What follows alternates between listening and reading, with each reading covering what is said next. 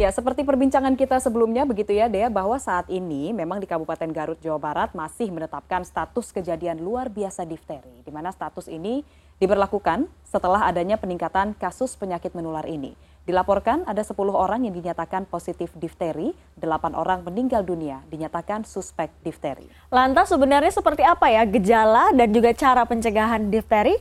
Berikut adalah data yang kami himpun dari laman cnnindonesia.com. Ya, gejala difteri ini biasanya muncul 2 hingga 5 hari setelah paparan. Orang yang terkena difteri biasanya mengalami selaput abu-abu tebal yang menutupi tenggorokan dan amandel, sakit tenggorokan, pembengkakan kelenjar getah bening di leher, sulit bernafas, pilek, demam, dan kelelahan. Dalam kasus yang parah, difteri bisa memicu berbagai komplikasi yang beresiko fatal.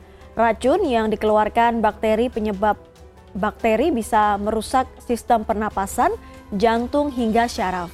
Kondisi inilah yang biasanya terjadi atau menjadi penyebab kematian akibat difteri. Pemberian antibiotik jadi satu-satunya cara mengobati difteri. Namun penyakit ini bisa juga dicegah dengan vaksinasi. Indonesia sendiri mewajibkan pemberian vaksinasi DPT atau difteri, pertusis, batuk rejan, tetanus pada anak. Langkah antisipasi lain seperti pola makan sehat untuk membantu meningkatkan kekebalan tubuh.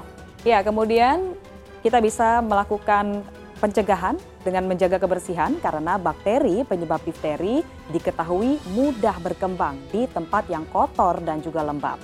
Selanjutnya, sama seperti penyakit yang disebabkan bakteri dan virus lainnya, rutin mencuci tangan bisa menjadi cara pencegahan yang ampuh bagi difteri.